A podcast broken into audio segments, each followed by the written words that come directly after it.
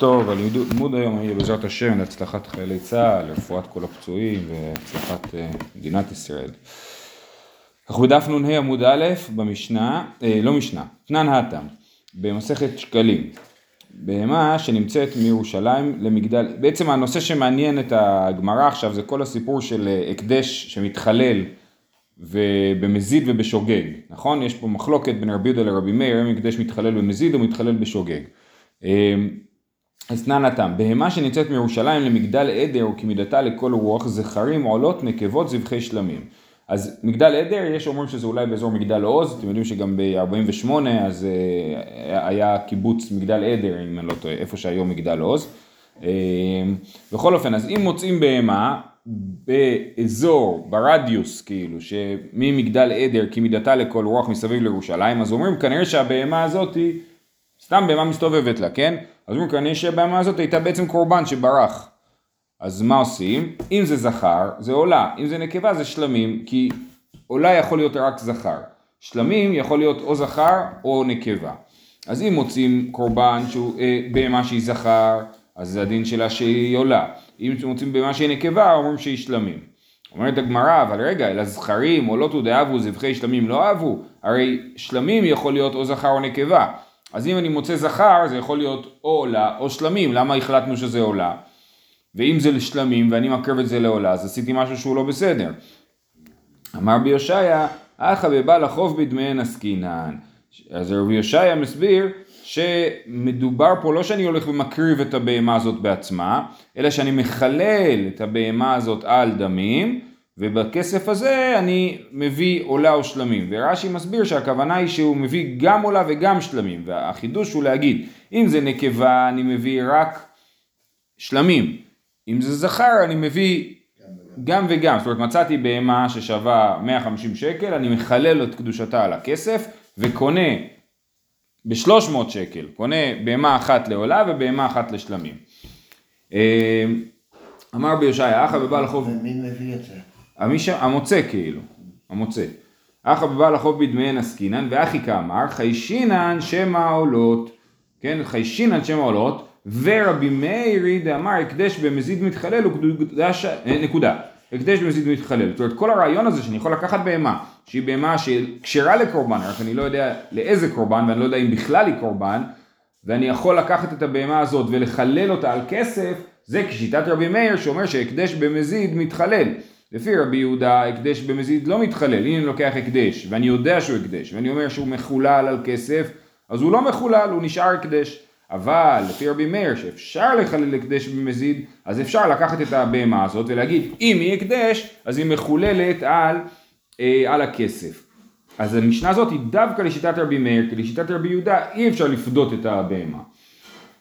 אומרת הגמרא אפילו לרבי מאיר וקדושת הגוף מי מתחלל האם באמת רבי מאיר חושב שקדושת הגוף מתחלל, קדושת הגוף זה בהמות, זאת אומרת יש לי, אה, אה, אדם יכול להקדיש כל מיני דברים, אם הוא מקדיש כסף או חפצים אז זה קדוש לא בקדושת הגוף, כי זה לא, הולך, לא הולכים להקריב את הכסף או להקריב את החפצים, הולכים אה, להשתמש בכסף הזה לבית המקדש, לקורבן, לבדק הבית וכדומה.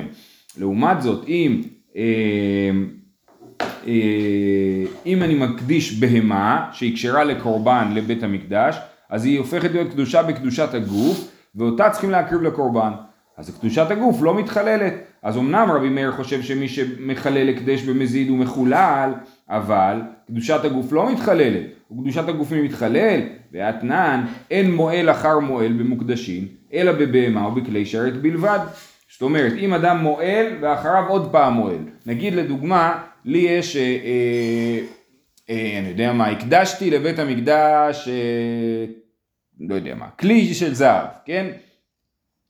ואז במקום להביא את זה לבית המקדש, מכרתי אותו, כן? אז מה קורה? הקדושה עוברת לכסף, אז הכלי של זהב כבר לא קדוש, אז אי אפשר למעול בזה פעמיים, אפשר למעול בזה רק פעם אחת, נכון? אז אין מועל אחר מועל, כי הקדושה עוברת לכסף. זה לא פעם אחת, רק שזה קדוש. כן, בדיוק, אבל אם אני, אבל אין מועל אחר מועל במוקדשים אלא בבהמה. אם יש לי בהמה שמיועדת לקורבן ואני מוכר אותה, אז היא נשארת קדושה. ולכן כל מי שימכור אותה בכל השרשרת הוא ימעל וימעל וימעל, כן? כי, לא, כי הקדושה לא עוברת לכסף, הקדושה כל הזמן נשארת בבהמה. ולכן אין מועל אחר מועל במוקדשים, אלא בבהמה ובכלי שרת בלבד. אם מישהו לוקח כלי של בית המקדש, כלי שרת ממש, שמוגדר ככלי שרת, ומוכר אותו, הכלי הזה לא יוצא מקדושתו, ולכן יש בו מועל אחר מועל. בכל אופן, מה שרואים מהמשנה הזאת, היא ש... אה, שקדושת הגוף לא מתחללת, נכון? אז מה שאמרנו שאני מוצא קורבן ואני מוכר אותו אז, אה, ואז הקדושה עוברת לכסף זה לא נכון כי קדושת הגוף לא מתחללת. כיצד? היה רוכב על גבי בהמה בא חברו ורחב, בא חברו ורחב, כולם מעלו. היה שותה בכוס של זהב שהיא כוס של הקדש, בא, שהיא כלי שרת. בא חברו ושתה, בא חברו ושתה, כולם מעלו. כי כמו שאמרנו ההקדש לא מתחלל. אומרת הגמרא, העיר רבי יהודה היא, אה רבי מאיר. זאת אומרת, אל תקשה מהמשנה. המשנה היא כשיטת רבי יהודה שחושב שהקדש במזיד לא מתחלל. והמשנה, יש בו שתי משניות. המשנה ממסכת שקלים על מי שמוצא בהמה, זה משנה כשיטת רבי מאיר שחושב שהקדש במזיד כן מתחלל. המשנה השנייה, מאיפה היא? ממסכת מעילה, אה, היא כשיטת רבי יהודה שחושב שהקדש במזיד לא מתחלל. אומרת הגמרא, מי אמר? למה? למה אתה חושב שיש מחלוקת בין רבי יהודה לרבי מאיר בעניין הזה? מדי רבי יהודה נשמע לרבי מאיר. לאו אמר רבי יהודה הקדש בשוגג מתחלל וקדושת הגוף לא מתחלה. לרבי מאיר נמי, אף על גב דהקדש במזיד מתחלל וקדושת הגוף לא מתחלה. כמו שלרבי יהודה הקדש בשוגג מתחלל ועדיין קדושת הגוף לא מתחללת. ככה גם לרבי מאיר שהקדש במזיד מתחלל, נגיד שקדושת הגוף לא מתחללת. למה אנחנו כאילו, כאילו הגמרא אומרת, למה להמציא מחלוקת נוספת בין רבי יהודה לרבי מאיר? הם נחלקו רק בשאלה האם הקדש במזיד מתחלל או בשוגג מתחלל, אבל הם לא נחלקו בשאלה אם קדושת הגוף מתחללת או לא. אז לכן יש להניח שרבי מאיר מסכים עם רבי יהודה שקדושת הגוף לא מתחללת, וחוזרת הבעיה איך להסביר את המשנה שאמרנו לגבי מי שמוצא בהמה. וגם למה להעמיד שתי משניות כשני אנשים? זה בעיה, נכון. כן, גם. אומרת הגמרא, לא נכון, כן יש בזה מחלוקת. אטם לא כמכוון לאפוקינו לחולין, הכא כמכוון לאפוקינו לחולין. זאת אומרת, אמנם באמת אין סיבה להגיד שיש ביניהם מחלוקת, אבל יש הבדל גדול. שאמרנו שלרבי יהודה הקדש במזיד לא מתחלל והקדש בשוגג מתחלל. מה זה אומר בשוגג? אני לא מתכוון לחלל הקדש, אני פשוט לא ידעתי שזה הקדש. ולכן, אם זה קדושת הגוף זה לא מתחלל. אבל לפי רבי מאיר, שהקדש מתחלל דווקא במזיד, ואני מתכוון להוציא את הדבר הזה לחולין, אז הדבר הזה כן יוצא לחולין. זאת אומרת, קדושת הגוף לא מתחללת לפי רבי מאיר, אבל במזיד זה כן מתחלל, כי אני רוצה עכשיו להפוך את זה לחולין, ולכיוון שזה מה שאני רוצה, אז זה מה שקורה. אז אמנם הוכחנו שלרבי יהודה קדושת הגוף לא מתחללת, אבל לרבי מאיר קדושת הגוף כן מתחללת, כי זוהי, לרבי מאיר, קדושת הגוף כן מתחללת כי זה במזין. בסדר? אז שתי המשניות איך? אה, שתי המשניות באמת לא מסתדרות אחת עם השנייה. הן במסכתות שונות ובסדרים שונים. זה במסכת שקלים וזה במסכת מעילה, אבל הן לא מסתדרות כנראה. אה, אוקיי? אז עד כאן מה שראינו זה שיש לנו בהמה שנמצאת אה, אה, באזור ירושלים, ומה עושים איתה? מוכרים אותה, פודים אותה בכסף, ולפי רבי מאיר זה מתחלל, כי זה במזיד. פה המילה מזיד היא לא כל כך מתאימה, כי זה לא מזיד רע, זה מזיד טוב. מכוון. כן, אבל בכוונה, הוא יודע שזה קדושה, והקדושה באמת פוקעת מהבהמה ועוברת לכסף, וקונים בזה גם עולה וגם שלמים אם זה זכר, ואם זה נקבה זה רק שלמים. אומרת הגמרא, רגע רגע, אימר דשמעית לרבי מאיר בקודשי קודשים, בקודשים קלים, משמעת לי, זאת אומרת, מה שרבי מאיר, כל הזמן אנחנו, מאיפה אנחנו יודעים שרבי מאיר אומר שהקדש במזיד מתחלל? מהמשנה שלנו, משם התחלנו, המשנה שלנו אומר, אומרת שמי שמקדש אישה בכסף של הקדש במזיד, לפי רבי מאיר, אז היא מקודשת, למה? כי הקדש במזיד מתחלל. אבל הכסף הזה הוא כמו קודשי קודשים, כי אסור לעשות איתו שום דבר חוץ מלהשתמש בו לקודש. אבל קודשים קלים, זאת אומרת קורבן שלמים הוא פחות קדוש מכסף של אה, הקדש, למה? כי כסף של הקדש הולך הכל למקדש, אבל קורבן שלמים חלק הבעלים יאכל, נכון? אז מלכתחילה הקדושה שלו היא קדושה פחות חמורה, כי חלק הולך לבן אדם, להנאה של הבן אדם בעצמו. אז אומרים מי אמר אמר דשמעת לי לרבי מאיר בקודשי קודשים, בקודשים קלים השמעת לי, אולי בקודשים קלים הוא לא מתחלל במזיד. אמר לי, ההוא מרבנן ורבי יעקב שמי, קל וחומר, קודשי קודשים מתחללים, קודשים קלים לא כל שכן. יש קל וחומר ש... אה, אה, אם קודשי קודשים אפשר לחלל אותם שהקדושה שלהם היא חמורה, אז קל וחומר שאפשר לחלל קודשים קלים שהקדושה שלהם היא קלה. איתמר נמי אמר רבי חמא ברבי עקיבא, כנראה זה טעות, זה צריך להיות רבי חמא בר עוקבא.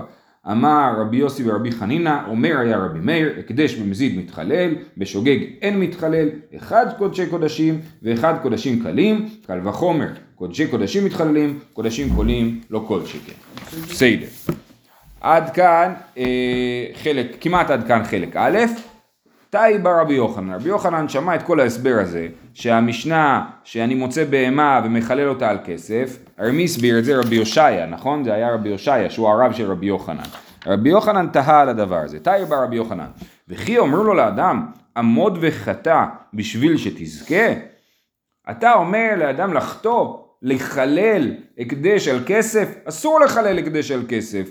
מה אתה עושה פה? הרי קדושת, קדושת הגוף. נכון מאיר אומר שהקדש במזיד מתחלל, אבל מי אמר שמותר לעשות את זה לכתחילה, כן? אומרים לבן אדם לחטוא, ככה?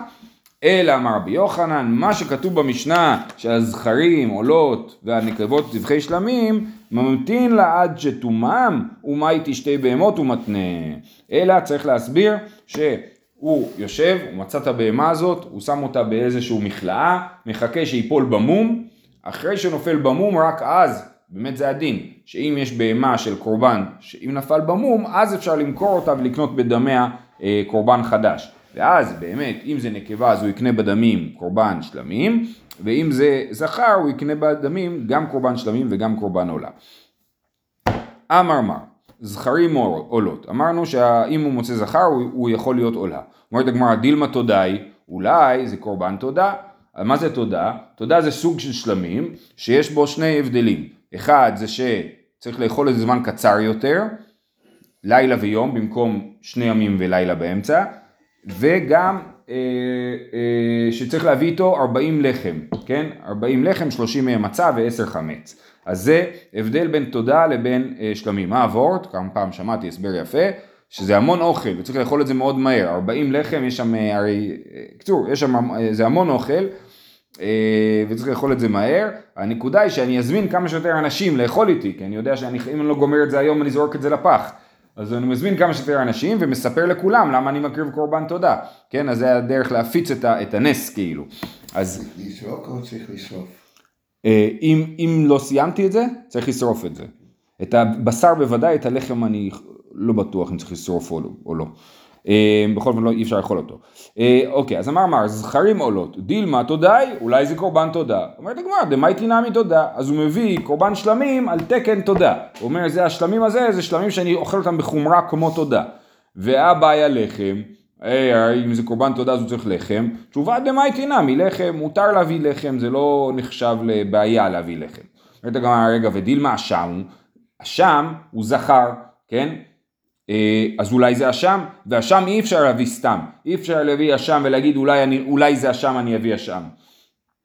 אומרת הגמרא, אשם בן שתי שנים, והשתכח בן שנה, הגמרא עושה אוקימתא, ואומרת אשם הוא בן שתי שנים, כן? אה, מה זאת אומרת בן שתי שנים? הכוונה היא בשנתו השנייה, לא כמו שאנחנו אומרים היום בן שנתיים על מישהו כבר בשנתו השלישית, כן? אז בן שתי שנים, זאת אומרת זה, זה כבש בן שנה פלוס. אז הוא אשם, והכבש שאני מצאתי היה כבש בן פחות משנה, ולכן לא יכול להיות שהוא אשם. לא יכול להיות שמישהו הקדיש אותו לאשם, כי הוא לא יכול להיות אשם. אוקיי, ואם הוא כן בן שנתיים, אז מה עושים? אז זו שאלה מצוינת. אה, אה, מי ששואל את השאלה הזאת הוא... אה, תשאל שאלה דומה בהמשך, אוקיי? ודילמה אשם הוא, אשם בן שתי שנים והשתכח בן שנה. ודילמה אשם מצורע והאשם נזיר הוא, אה, אשם נזיר ואשם מצורע יכולים להיות בני שנה. אשם מעילות, אשם גזלות, אשם שפחה חרופה, כל האשמות, רוב האשמות, אשם תלוי, כולם הם בני שנתיים, זאת אומרת בשנתיים השנייה. חוץ מאשם נזיר ואשם מצורע שלא כתוב שהם צריכים להיות בני שנתיים. אז אם אני מצאתי קורבן בן שנה יכול להיות שהוא אשם נזיר או אשם מצורע, תשובה לא שכיחי, זה דבר נדיר, אשם בכל אופן כמה נזירים יש וכמה מצורעים יש, לא הרבה, אז הסיכוי שזה אשם נזיר או אשם מצורע הוא סיכוי נמוך, לכן לא חוששים שזה אשם ולכן מביאים רק או קורבן עולה או קורבן שלמים על תקן תודה. ודין הפסח הוא, אה, אם זה כבש בן שנתו בתוך השנה שלו, אז הוא יכול להיות קורבן פסח. אומרת הגמרא, פסח בזמנו, מי זרזי רבי? פסח, בתקופת הפסח, כולם לחוצים עליו, הם יודעים שזה הקורבן פסח שלהם, אז הם נזהרים עליו, כל בני החבורה שומרים עליו היטב, ולכן לא חוששים שהוא יברח, לכן אני, אם אני מוצא כבש, אני לא אומר אולי זה קורבן פסח, כי אף אחד לא נותן לכבש שלו לברוח, כאילו. אמ, ושלא בזמנו, ואם זה פסח אחרי זמנו, כן, הוא באמת, אה, אה, הם איבדו את הקורבן, אחרי זה מצאו אותו מחדש, ודברים כאלה, מדברים על זה באריכות במסכת פסחים, אז אם עבר הזמן של פסח, אז הפסח הופך להיות שלמים. כן, קורבן פסח שלא הקריבו אותו בפסח, הוא הופך להיות, משתמשים בו בתור קורבן שלמים. אז זה מה שאמרנו. מותר לעשות סימן לבהמה? סימן של צבע אפשר, של מום אי אפשר, אפשר לעשות חור באוזן. אבל לכאורה לסמן איקס על הצמר, אני לא, לא רואה בעיה. לא רואה בעיה. אה, ושלא בזמנו שלמים הוא. טוב, אז בסדר, אז אמרנו שמקדישים אותו גם לשלמים, אז זה לא בעיה. בסדר, הלאה. ודין בכור ומעשר נינו, אולי הכבש הזה הוא בכור, אולי הכבש הזה הוא מעשר בהמה, זה יכול להיות. אומרת הגמרא, למה היא הלכתה? הרי מה השאלה, ומה הדין של בהמה שהיא ספק בכור? נכון? אני רואה עכשיו כבש, אני אומר, אולי הכבש הזה הוא בכור. ספק של בכור, מה עושים? מחכים שיפול בו מום ואוכלים אותו ולא מביאים אותו לכהן. הכהן אומר רגע אולי זה שלי, אני אומר לו נכון אולי זה לא שלך והמוציא מחברו עליו הראייה. אז אם זה בכור צריך לאכול את זה אחרי שנופל בו מום. אם זה מעשר אפשר לאכול את זה אחרי שנופל בו מום. ולכן גם פה זה בסדר. למה הלכתה? למכלינו במומן? הכי נמי במומן מתאכלי כמו שרבי יוחנן הסביר שמחכים שיפול בו מום ואז אוכלים אותו במומו. ולכן זה לא בעיה, גם אם זה מעשר ובכור, גם זה כאילו פתרנו, קלה, הפתרון שעשינו של לחכות שיפול בו מום ואז לאכול אותו ולקנות בכסף קורבנות, זה פותר גם את האופציה שזה מעשר ובכור.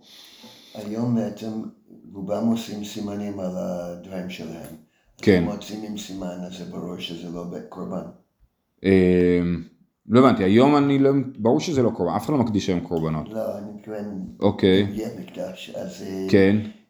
אז כל אחד, כל אחד עם הרפת שלו הוא שם סימן. נכון, נכון. אז אם מוצאים באזור, כן. אז זה כן. כבר מוכיח שזה לא קורבן. אה, נכון, ואז הם- אבל כאילו אני צריך לשאול את בעל הרפת, אז יכול להגיד שהוא מכר את זה, כאילו, אה, כאילו סימנים יכולים, אני עושה סימן על כן, כבש אבל זה הוא עובר. לא יכול למכור את זה כקורבן, כי הסימן פוסל אותו. אה, אה, סימן של מום, נכון, אם יש בזה מום, אז זה כבר מום, נכון, הרי ממילא מחכים שיפול מום.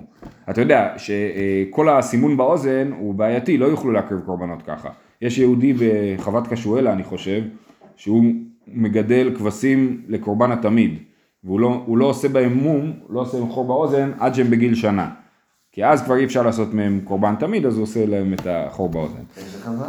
לא יודע, אמרו לי חוות קשואלה, אני... פעם ראיתי איזה סרטון. אמר מר, טוב, אמרנו שאם זה זכרים, עברנו על כל האופציות של מה זה יכול להיות אם זה זכר, והסברנו איך פותרים את כל הבעיות. עכשיו מה קורה? אמרנו שאם זה נקבה, מצאתי כבש נקבה, בת פחות משנתה, אמר אמר נקבות זבחי שלמים. דילמה תודאי, קורבן תודה יכול להיות או זכר או נקבה, כמו ששלמים יכול להיות או זכר או נקבה, דמייטי תודה. טוב, בסדר, אז הוא מביא את זה בתור תודה. ואבא אינן לחם, דמייטי לה מלחם. את זה כבר הסברנו מקודם. ודילמה חטאתי, אה, אם זה, אם זה נקבה זה יכול להיות חטאת, ואסור להקריב חטאת שאתה לא יודע מי הבעלים שלה, ואולי הבעלים מת, אולי הבעלים חי, או בעלי- הבעלים הת- התכפר. אומרת הגמרא, ודילמה חטאת שעברה, אה, התשובה היא חטאת בת שנתה, ואשתה כך בת שתי שנים. אה, מדובר הפוך מהרישא, ברישא אמרנו שמדובר שמצאתי זכר פחות משנה, וכאן מדובר על נקבה שמצאתי שהיא גדולה מגיל שנה, היא בת שנתיים, כן? ואז היא לא יכולה להיות חטאת כי חטאת היא בת שנתה. אומרת הגמרא, השתכח בת שנתה מאי, כמו ששאלת מקודם, ומה קורה אם זה פחות משנה לגבי אשם, כן? אז גם אותו שאלה שואלים פה לגבי חטאת, והשתכח בת שנתה מאי, תניא חנניה בן חכינאי אומר, עז בת שנתה לחטאת. דילגתי? סליחה. ודילמה חטאתי. אה, סליחה, נכון. ודילמה חטאת שעברה שנתה, אולי זה היה חטאת ונאבד והסתובב, ועכשיו זה חטאת בת שנתיים, ואתה מצאת כבש בת שנתיים שהיא בעצם חטאת שכבר פג תוקפה, כאילו, כן? הגמרא לא שכיח. נכון? לא שכיח זה דבר נדיר, בדרך כלל מקריבים את החטאת, זה לא אמור לאבד ולהסתובב ולעבור את הגיל. את הגיל.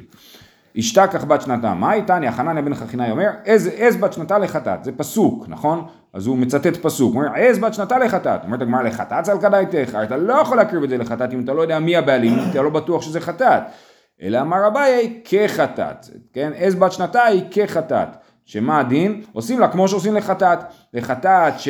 אה, חטאת שאתה לא יכול להקריב אותה, מה עושים איתה? כונסה לכיפה והיא מתה מעליה. כן, בעצם, בעצם מרעיבים אותה, הורגים אותה ברעב, ה... זה עצוב אבל כך עושים, אה, אה, כי אי אפשר להקריב אותה ואי אפשר לעשות איתה כלום ונותנים לה למות ברעב, אז גם פה, מי שמצא כבש, נקבה, בת פחות משנה, כיוון שזה יכול להיות שזה חטאת, סמוך לירושלים, כיוון שזה יכול להיות שזה חטאת, אז, נות... אז אה, הורגים אותה. זהו, אנחנו מתקדמים הלאה, אנחנו יש לנו זמן להשלים פערים קצת. תנו רבנן. אין לוקחים בהמה במעות מעשר שני. ואם לקח בשוגג, יחזרו דמים למקומם, במזיד תעלה ותאכל במקום. אז יש ככה, אתם יודעים שמעשר שני, פודים אותו על כסף, מחללים אותו על כסף, אני גר ב... לא יודע מה, בראש העין, אני מחלל אותו על כסף, את הכסף אני לוקח לירושלים, בירושלים אני קונה אוכל, ואוכל אותו בטהרה בירושלים. אני יכול לקנות עם זה אוכל, אני יכול לקנות עם זה גם בשר, כאילו קורבנות, אני יכול לקנות עם זה כבש ולהקריב אותה לקורבן שלמים ולאכול אותו בתור שלמים. אז, אז עכשיו, את, ה, את הכסף אסור לקנות איתו אוכל עד שמגיעים לירושלים, כן? חייבים להעלות את הכסף ולקנות בירושלים אוכל. אז אין לוקחים... מה זה משנה? אם האוכל גדל באזור ירושלים, או זה... אם זה בתוך ירושלים, אוכל שנכנס לתוך ירושלים אסור כבר להחליף אותו לכסף, אלא אם כן הוא נטמע.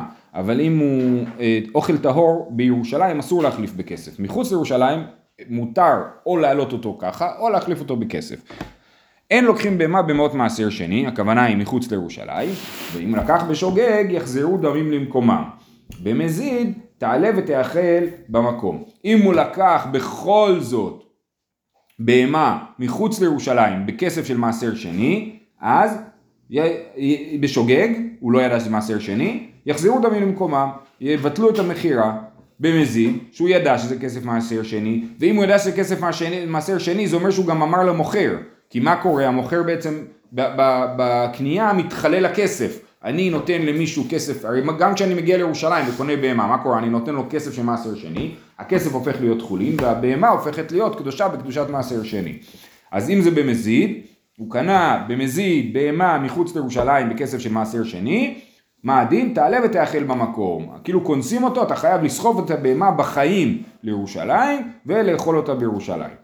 אמר רבי יהודה, במה דברים אמורים? במתכוון ולקח תחילה לשם שלמים, אבל במתכוון להוציא מעות מעשר שני לחולין, בין שוגג בין מזיד יחזרו דמים למקומם. רבי יהודה אומר שהדין הזה שאם אני קניתי במזיד, אז זה, הצלחה, הצלחה בכל העניינים. אמ, הדין שאם אני קניתי במזיד, בהמה מחוץ לירושלים, אני צריך להעלות אותה, זה כשמה המזיד שלי היה? המזיד קטן. המזיד שלי היה שקניתי במזיד בהמה בכסף של מעשר שני מחוץ לירושלים, אבל תכננתי שזה יישאר מעשר שני, הבהמה, ואני אוכל אותה, תכננתי לעשות את זה, למרות שזה אסור. יותר גרוע זה מי שתכנן להוציא את הכסף ולא להשתמש בו למעשר בהמה, כן? יותר גרוע זה, הוא אומר, אה, מתכוון להוציא מאות מעשר שני לחולין, יש לי מאות מעשר שני לחולין, אמרתי זהו, אין לי כוח, לא רוצה יותר מעשר שני, אני משתמש בכסף כאילו זה חולין. אז במקרה כזה, בין שוגג בין מזיד יחזרו דמים למקומם. המכירה מתבטלת בכל אופן. אז הנה אנחנו רואים פה שרבי יהודה חושב שמי שישתמש בכסף של מעשר שני המכירה מתבטלת. והאננתנן במשנה שלנו רבי יהודה אומר במזיד קידש במשנה אמרנו שמי שקידש אישה בכסף של מעשר שני במזיד קידש. זאת אומרת, הוא הביא לאישה כסף של מעשר שני ואמר את מקודשת לי בזה, היא מקודשת לו בזה. ואתה, ופה רבי יהודה אומר שהעסקה מתבטלת. אז למה, אז תחליט, אם העסקה מתבטלת, האישה לא תהיה מקודשת במצב כזה, נכון? נתן רבי יהודה אומר בזה קידיש, קידש, אמר רבי אלעזר, אישה יודעת שאין מעות מעשר שני, מתחללין על ידה, ועולה ואוכלתו בירושלים. זאת אומרת, אומר רבי אלעזר, אה, אה, כולם יודעים שכשאדם מביא כסף לאישה שהכסף הוא כסף של מעשר שני, שה... שהכסף נשאר מעשר שני, היא יודעת את זה, אז היא מתקדשת ואומרת, אני מוכנה להתקדש לך בכסף של מעשר שני וזה שווה לי, כי את הכסף הזה אני אקנה בו אוכל בירושלים. לא גרה רחוק מירושלים, גרה בגוש עציון, כן? אז שווה לי. אז היא יודעת, ולכן העסקה לא מתבטלת, כי הכל בסדר, שום דבר פה לא יוצא לחולין. ולא אומרים שזה טרחה? נכון, אמרנו שזה טרחה, אבל אם היא יודעת, היא קיבלה, רבי יהודה, לא, רבי מאיר אמר שזה טרחה ולכן האישה לא רוצה את זה. אבל רבי יהודה אמר שבמזיד היא מתקדשת, כן? אז אישה יודעת, וזה היא מתכננת. לכן אין שום סיבה לבטל את העסקה. אבל כשהוא מוכר, לעומת זאת, כשהוא מוכר למוכר, אה, אה, הוא מביא לו כסף של מעשר שני, תסתכלו ברש"י. אומר, אבל מוכר זה יודע שהמעות מתחללות על הבהמה וחולין הן בידו ועבר לפני עיוור לא תיתן מכשול המוכר הוא גם לא בסדר כי הוא יודע שהוא מביא לו כסף של מעשר שני והוא יודע שהוא מתכנן לחלל את זה הוא מתכנן לא לאכול את זה בקדושה אז הוא לא בסדר. אז האישה היא כן בסדר. במקרה של האישה הדבר היחיד שלא בסדר זה שהוא השתמש לצורך שלו בכסף של מעשר שני. הוא קידש אישה בכסף של מעשר שני הוא לא מעל זה לא הקדש אבל, האיש, אבל תכלס מה שקורה זה, הרי זה כמו שאני אתן מתנה למישהו כסף של מעשר שני, הוא ילך עם זה לירושלים, אני לא חייב להיות זה שעולה לירושלים. אז רבי יהודה אומר, בסדר, לא נורא, היא תיקח את זה, תשתמש בזה. אבל כשהוא מוכר את זה, ברור שזה לא בסדר, כי ברור שאני מנסה להפוך את הכסף לחולין, ואני לא מתכנן לעשות עם זה משהו של מעשר שני, ולכן העסקה מתבטלת, כי גם המוכר לא בסדר. מתקיף לרבי ירמיה, והרי בהמה טמאה עבדים וקרקעות דאדם יודע שאין מעות מעשר שני מתחללין עליהן ותנן אין לוקחין בהמה טמאה עבדים וקרקעות במעות מעשר שני אפילו בירושלים ואם לוקח יאכל כנגדם אז אם אדם קונה בכסף של מעשר שני דברים שלא אמורים לקנות בכסף מעשר שני, שזה בהמה טמאה, דברים שאי אפשר לאכול אותם, עבדים, קרקעות, כן? אז דברים שאי אפשר לאכול אותם, אז אם אני קונה אותם בכסף מעשר שני, וכולם יודעים שזה לא עובד, מה הדין? שהעסקה לא מתבטלת, ו... אה, אה, אם לקח יאכל כנגדן, זאת אומרת הקונה ששילם את הכסף צריך להוציא עוד כסף מהכיס שלו ולהגיד אני שילמתי 100 שקל בכסף של מעשר שני אז הנה יש פה 100 שקל אחרים והם יהיו מעשר שני במקומם, כן? אז, אז אנחנו אומרים שהעסקה לא מתבטלת ורבי יהודה אמר שהעסקה כן מתבטלת אלא צריך להניח שבאמת האנשים לא יודעים מה מותר ומה אסור וצריך לעשות חוקימתא למשנה, אלא אחא באישה חברה עסקינן דידעה. זאת אומרת, ההנחה שאיתה התחלנו, אמר רבי אלעזר, אישה יודעת שאין מעות מעשר שנים מתחללים אל ידה, זה לא נכון. אנשים לא יודעים. גם הם לא יודעים שאסור לקנות, מה אסור לקנות ומה מותר לקנות בכסף מעשר שני, וגם הם לא יודעים אם זה מתחלל או לא מתחלל, אבל אם יש אישה חברה, אז אם יש אישה חברה, אז היא, זאת אומרת אישה תלמידת חכמים, אז היא יודעת, וה- והמשנה מדברת דווקא במקרה כזה, שהאישה היא אישה חברה. אמר מר, אם לקח יאכל כנגדן, והמאי יחזרו דמיו למקומם אה, אה, האטם, כן? למה אנחנו אה, אומרים שמי שקנה בהמה טמאה עבדים וקרקעות, אנחנו אומרים שהעסקה לא מתבטלת והוא יאכל כנגדם, ובמקרה של מי שקנה בהמה מחוץ לירושלים במזיד, אה, אה, אנחנו אומרים שהעסקה כן מתבטלת. למה? מתי העסקה מתבטלת ומתי לא? אמר שמואל, כשברח. אה, באמת תמיד העסקה מתבטלת. מתי העסקה לא מתבטלת? כשהמוכר ברח, כן? אז אי אפשר לבטל את העסקה. אז לכן אני חייב, אה, אז עכשיו, אז ביטול העסקה זה פוגע במוכר, כן? הוא רוצה למכור, הוא עשה כסף עכשיו. אז הוא ברח, ולכן אני צריך להביא עוד כסף ולאכול כנגדו. אבל אם המוכר לא ברח, אז העסקה מתבטלת. אומרת הגמרא, הלו בתמא דברח, הלא ברח קנצינן למוכר, ונקנסי ללוקח. למה אתה הולך על האופציה של לבטל את העסקה, המוכר לא עשה שום דבר רע. תגיד תמיד, במקום שנבטל את העסקה, שאני אקח כסף מהבית שלי ואני אצטרך להשתמש בו בתור מעשר שני. ונקנסי ללוקח. אומרת הגמרא, לאו עכבר גנב, אלא חור הגנב. מי גנב? לא העכבר גונב, אלא החור גונב. כן, העכבר גונב לחם, שם אותו בחור, נכון? מי גונב? החור גונב, אז גם המוכר הוא נחשב לגונב. אומרת הגמרא, מה פתאום? והיא לא עכבר, החור המאי כאביד, אם לא היה עכבר, החור לא היה עושה כלום. אותו דבר לגבי המוכר, המוכר אשם, הוא מכר משהו למישהו שמנסה לחלל מעות מעשר שני, אז המוכר לא היה צריך להסכים למכור לו, והוא זה שהוא מכר לו, אז קונסים אותו על זה. ואז אז אומרים כן, אבל זה כמו להגיד שהחור הוא הגנב, הרי בלי העכבר הלחם לא היה מגיע לחור סתם. אז אתה כונס את המוכר על משהו שהלוקח עשה, למה אתה דופק את המוכר? אתה צריך לדפוק את הלוקח. אומרת הגמרא, באמת, אם לעכבר לא היה חור, הוא לא היה גונב. אם לחור לא היה עכבר, הוא לא היה גונב. במילים אחרות, זה שניהם אשמים. כן, גם המוכר וגם הלוקח אשמים. ולכן, אה, מסתברא כל איכא דאיכא איסורא אטם קנסינן. ולכן אנחנו הולכים אחרי איפה שהאיסור נמצא.